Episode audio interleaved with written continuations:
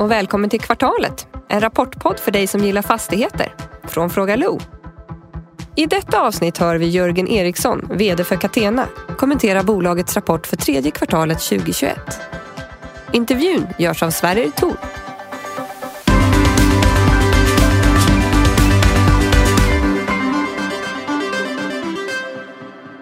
Hej Jörgen, välkommen till Kvartalet igen. Hej Sverige, tack så mycket. Kul att vara här igen i, i Helsingborg och njuta av utsikten. En fin dag, fin höstdag. Fantastiskt fin höstdag här och det är alltid kul att få eh, besöka i Mm. våra fina lokaler. Mm, mm. Hur är läget? Det är mycket bra tycker jag. Precis släppt en trevlig rapport här och eh, ja, det är högt tryck på marknaden. Så att, Mm. eh, det är mycket bra. Jag antar att du är nöjd med rapporten. Jag tyckte att den såg ganska bra ut. Absolut, vi är eh, nöjda och glada med rapporten. Eh, Kan väl sammanfatta det med några korta ord som att det är, det är ett väldigt stabilt kvartal eh, på en otroligt het marknad. Mm, mm. Ska vi höra vad Niklas Höglund har att säga? Det tycker jag. Ja, då var det snabbanalysen av Catena som fortsätter att leverera starka siffror och förvaltningsresultatet är upp med 13 procent.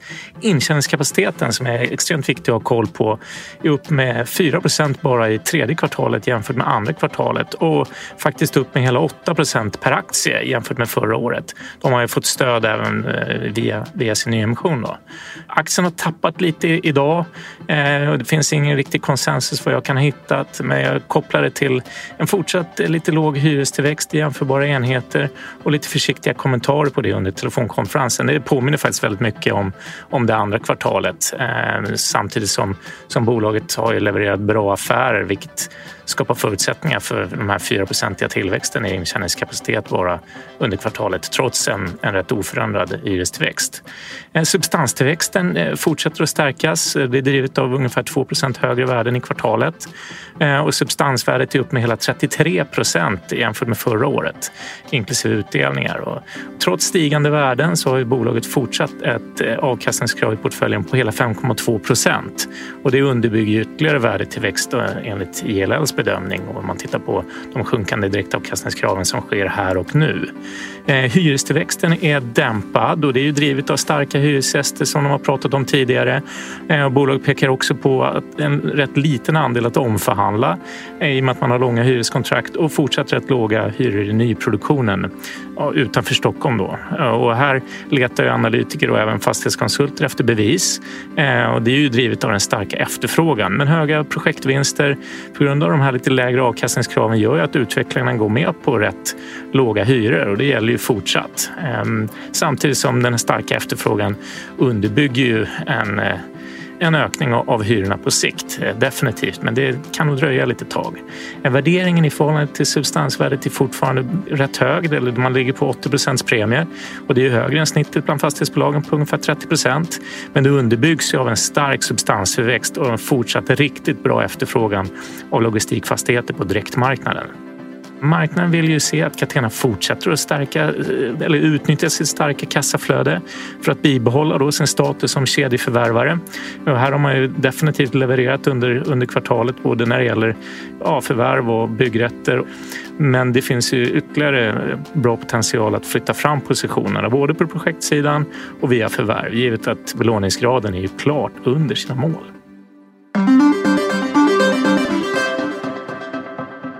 Då tackar vi Niklas. Och, alltså, jag har ju ett distinkt minne Jörgen av att förra gången vi satt här då var du alltså, på gränsen till lite frustrerad över att det var lite trögt på projektsidan.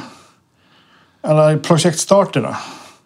Nu lyfter du fram projekten som en värdeskapare. Är det något som har hänt emellan? Ja, alltså vi, vi kan väl säga att eh, det, det, det går framåt i de flesta processerna med, med våra markområden så vi, vi kommer ju allt närmare en start där och vi guidade ju lite här nu att vi kommer att sätta igång med markförberedelser på eh, både Sunnanå, eh, Landvetter och Stockholm under början av 2022. Mm. Sen får vi se när så att säga, vi har, kan presentera hyresavtalen och vi kan sätta igång och bygga men vi vill göra allt vi kan nu i början för att vara så väl förberedda som möjligt när, när det väl är dags att, att börja bygga. Mm. Men ni bygger inte på späck utan ni, ni förbereder marken på späck så att säga? Och... Precis, vi, vet, vi är väldigt trygga med positionerna. Vi vet att här kommer vi att sätta avtal med tiden. Eh, men däremot så, så vet vi inte exakt när. Eh, därför så, så förbereder vi marken så att vi kan spara lite tid i andra änden. Mm, mm. Eh, spekulation, det får vi se, det, det, får vi återkomma till. Det, det kan ju vara så att vi, vi signar en, ett, en yta och, och, och bygger två ytor. Mm det, det, kan bli. Om det är, är vi på rätt ställe så, så kan vi tänka oss det. Mm. Det har ju kommit nu på, på sistone. Har det, ju, det är allt fler utländska aktörer som tittar på, på Sverige och Norden som ett logistikläge. Eh, hur, hur ser liksom efterfrågan från internationella logistikaktörer ut efter lokaler? Är den, är den inhemsk efterfrågan eller är det liksom en internationell efterfrågan? Vi tar ju väldigt mycket eh, nya ordrar så att säga från, från det befintliga eh, nätverket men det är klart att vi välkomnar nya också och har diskussioner med, med helt nya hyresgäster också.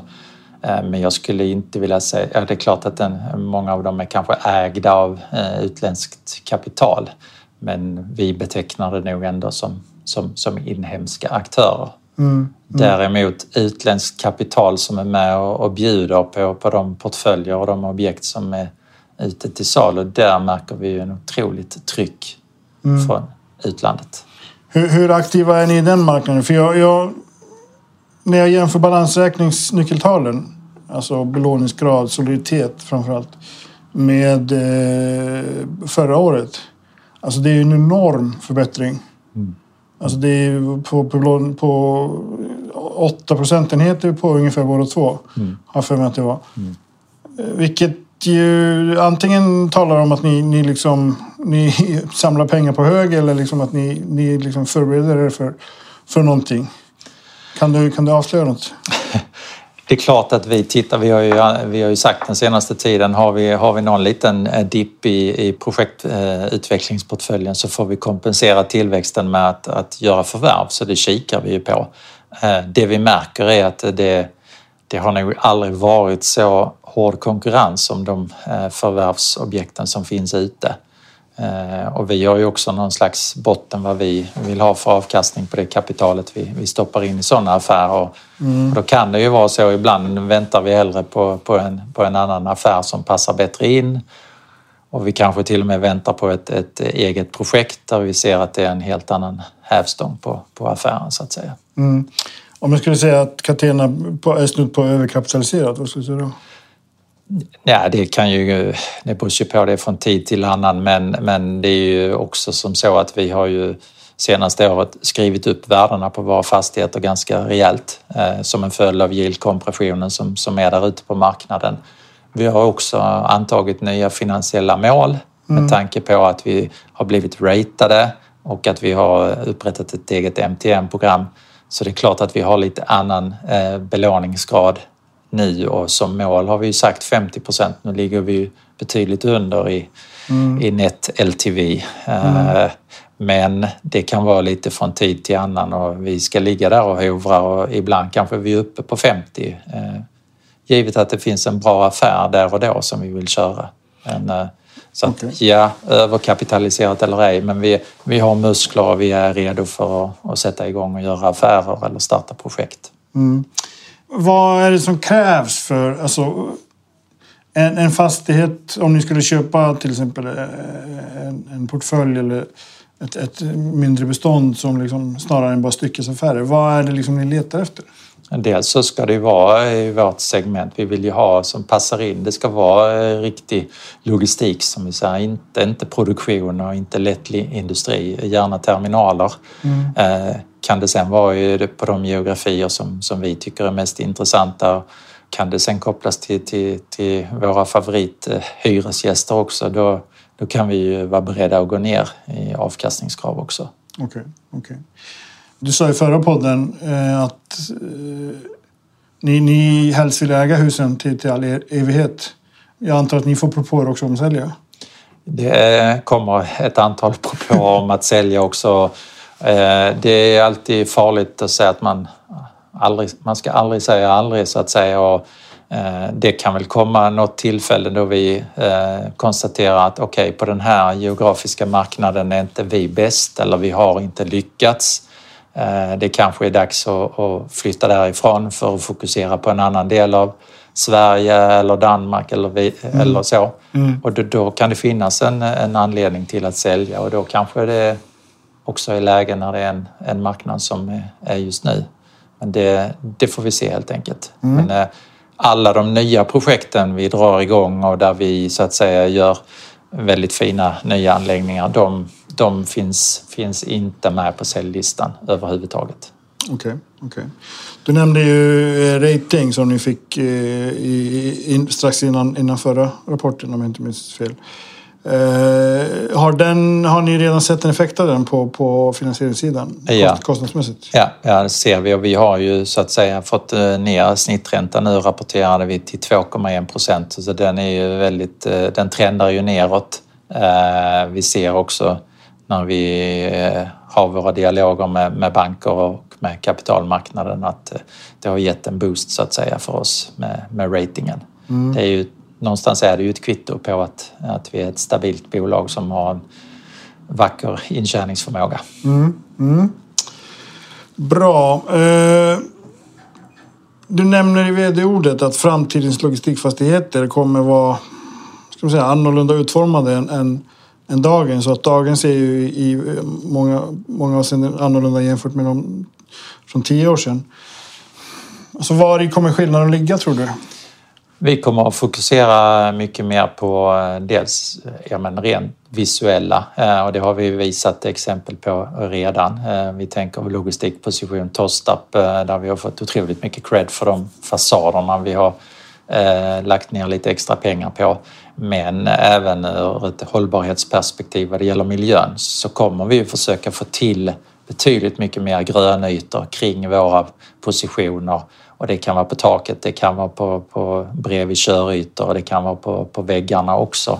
Mm. Eh, vi måste vara med eh, som alla andra och bidra till, till ett hållbarare samhälle.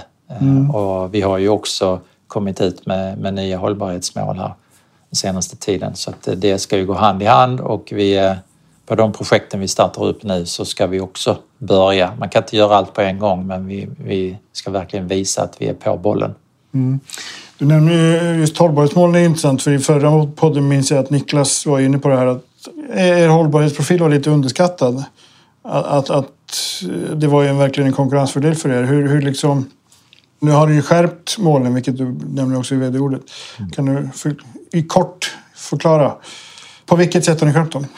Ja, men de, de eh, målen vi har nu, de, de, framförallt så är de ju, de är ju väldigt långsiktiga. Vi pratar till 2030 och eh, vi har inte svaren på alla de frågorna som kommer med hur ska vi klara av det. Men vi ser också nu sätter vi ribban väldigt högt. Vi, vi har med oss hela, hela gänget här på Catena som verkligen brinner för det här. Och längs vägen kommer vi att komma på många av de här svaren. Vi kanske inte kommer nå hela vägen men vi kan i varje fall konstatera att vi kommer att ha gjort mycket.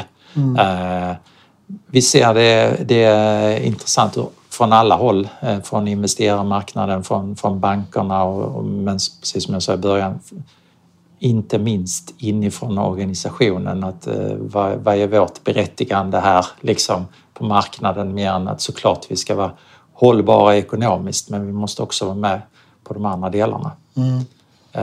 Vi ser ju också att det är ju det är en arbetsplats för otroligt många människor eh, i våra byggnader. Och det är ju en del i det hela att vi miljöcertifierar dem, att, att det är en, ett, ett kvitto på att man går till en arbetsplats som är, som är helt okej. Okay. Man ska trivas de timmarna man är där. Eh, det är ju det bästa kvittot för oss som fastighetsägare. Mm. Hur är er gröna finansieringsprofil, hur ser den ut? Vi eh, har ju en hel del gröna lån, jag kan inte säga exakt eh, siffran på det, men eh, vi jobbar hela tiden på att bli, få ännu mer större andel grön finansiering. Och målet är 100 antar jag? Ja, på mm. sikt. Okay. På den långa, långa banan. Vad sa du? Ja, på den långa, långa banan så är ja. det ju det. Ja, precis, precis. Jag tänkte vi skulle fokusera lite på... Alltså logistik är ju ett, som jag varit inne på förr, det är ett otroligt fascinerande ämne på något sätt. Och och vi märker ju nu, det pratas ju... Eh, nu är det ju halvledarbrist eh, som är ju kanske inte liksom fastighetsrelaterade men ändå det finns ju logistikkedjorna liksom, eh, funkar ju inte riktigt. Det är flera, eh, det spelar ingen roll i stort sett vad, vad som skulle kommit förra sommaren med den här båten från, som fastnade i Suezkanalen. Alltså det är ju varubrist i stort sett i, i hela Europa och man pratar ju om att till och med barnen kan gå utan julklappar. Mm. Det är så dystopiskt. Mm. Alltså, den här diskussionen om, om just in time kontra liksom lagerhållning mm. är ju väldigt aktuell just nu. Och jag kan tänka mig att, att för en logistikfastighetsägare så är ju både och bra på något sätt. Vilket liksom, utifrån logistikperspektivet, saknas det ytor för, för lagerhållning? Är det just in time som är liksom rent rationellt det enklaste? Eller vad, vad säger du? Det var en, en, en svår fråga, men, men ja, det, det, var den. Men eh, vad vi kan hjälpa till med det är ju såklart att, att, att vara förberedda för att, att det finns eh, möjligheter att, att bygga ut. Eh, vi har ju många som, som, som skriker efter, efter mer ytor på vissa specifika områden och då vill det till att vi kan ha detaljplaner klara och kan börja bygga där. Sen är det ju en ledtid så det är ju ingen, ingen quick fix som är klar imorgon. Mm. Eh, men vi hör ju också surret bland, eh, ute på marknaden att ja, det som har hänt, det som hände i Suezkanalen och så vidare är ju att det finns ju en, någon slags önskan om och, och diskussioner att, att plocka hem en del lager som finns ute i världen så att säga, om vi nu pratar ur ett mm. svenskt perspektiv. Mm. Det ser vi ju som en, som en, en grej som kan öka efterfrågan på nya ytor, definitivt den har ju verkligen aktualiserats den senaste tiden. Mm. En annan del som, som så att säga är ju, är, ju, är ju nästa grej på kanske på lite längre sikt.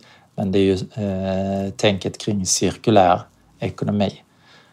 Eh, ska vi börja mer och mer fokusera på att återanvända eh, artiklar eh, så vill det ju till att de ska ju i mellantiden lagras någonstans. Mm. Vi ser ju Zalando och Boost och, och de här aktörerna inom modebranschen börjar ju med att, att så att säga förmedla och sälja använda produkter. Mm. Och det är såklart att det kommer ju att tarva en hel del yta. Mm. Mm. Eh, det kanske det, sen kanske minskar det andra om det inte säljs så mycket. Det, alltså där har vi ju ingen, liksom ingen lösning eller vart det kommer att landa men, men det, det är intressant tänk. Mm. Man har ju klumpat ihop lagerlogistik av, av hävd liksom i, sådär intuitivt ska man säga, i branschen. Men det finns ju en distinktion. Du var inne på terminaler tidigare. Det är ju liksom att lasta om så att säga. Nu försöker jag visa med händerna hur det funkar. Ja. Men kanske inte gjorde det så bra. Men, men vi pratar ju traditionell lagerhållning nu. Det är lite mer åt lagerfastigheter kontra logistikfastigheter. Ja. Hur, hur ser du Catenas eh, roll eller framtid på det här?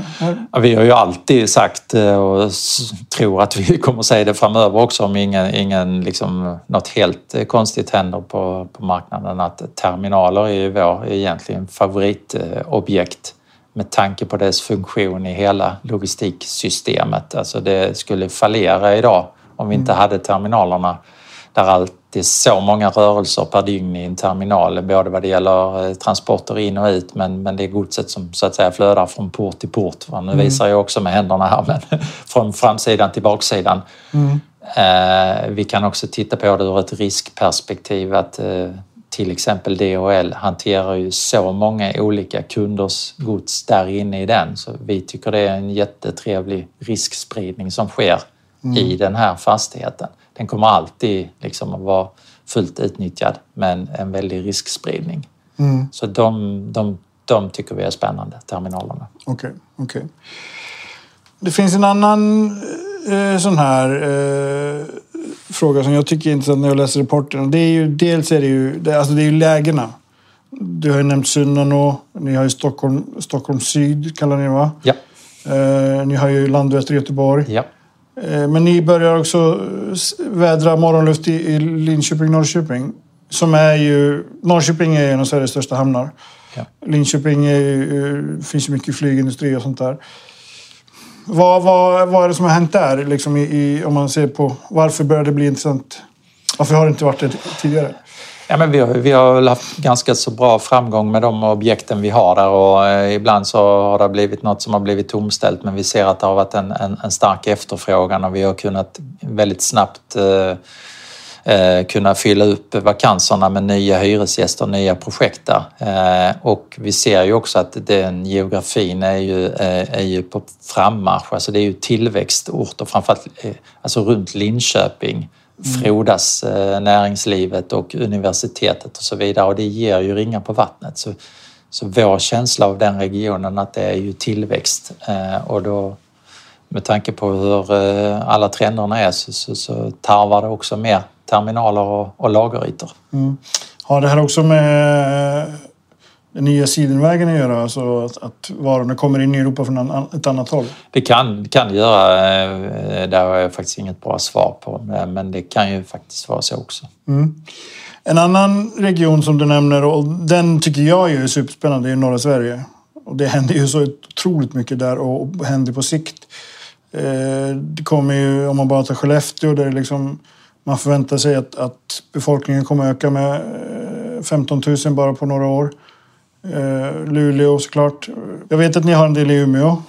Ja. Men hur, hur ser ni på övriga norra Sverige? Ja, men vi har ju sagt att så, så länge vi håller oss längs E4 eh, e hela vägen upp till Luleå så, så ska det där, det bor mycket människor där. Det kommer att bli, bli fler i framtiden och livsmedel till exempel, det, det, ska hanteras längs vägen där så att nu bygger vi en ny anläggning uppe i Luleå, vår första i Luleå mm. Eh, som är klar här i vilken vecka som helst. Eh, och vi är gärna med på resan där uppe. Eh, sen är det väl så att det är ju inte någon form av spekulationsbygge där uppe än så länge. Det, det ser vi inte på marknaden heller. Och det kanske inte är lika många förfrågningar kring de regionstäderna Eh, med nya stora lager som det är i, i södra Sverige eller i mm. Mälardalen mm. av naturliga skäl. Att, eh, man, man vill ju inte frakta upp hur mycket gods som helst upp till Norrland för att sen frakta det tillbaka utan det är ju verkligen det som avsätts där uppe.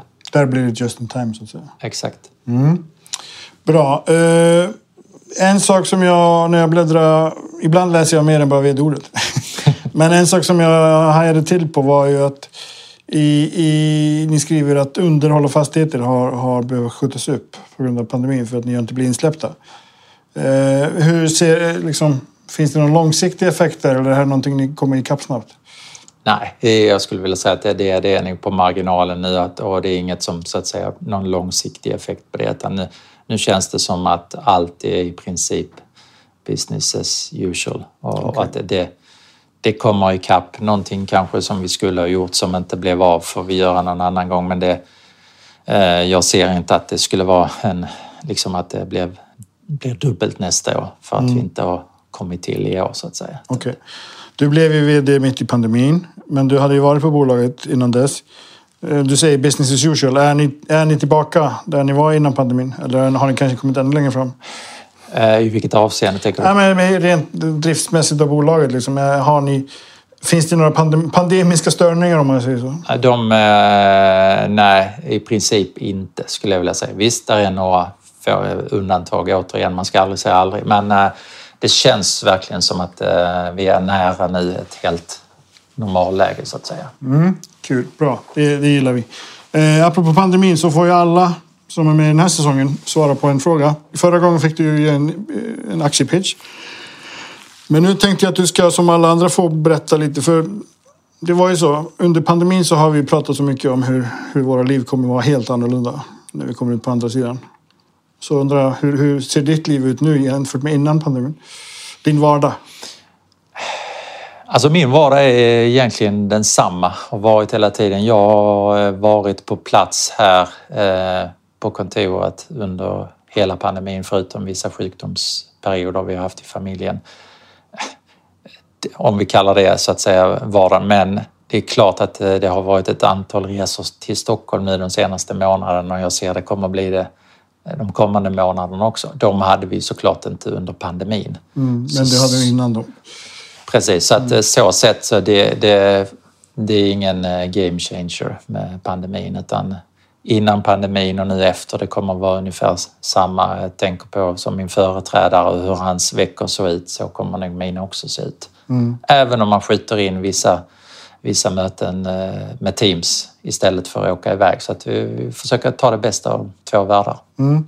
Det är i och för sig en ganska stor ändring att du är VD numera. Det var du inte innan. Det kan det ju vara. Ja, precis. Eh, vi får se det om, om, tre månader då när vi ses igen. Ja. Tack Jörgen. Tack själv Sverige. Och tack för att ni har lyssnat. Vill du ha koll på de viktigaste trenderna i fastighetsbranschen? Lyssna på vår podcast Fastighetspanelen med Sveriges ledande rådgivare, där poddar finns.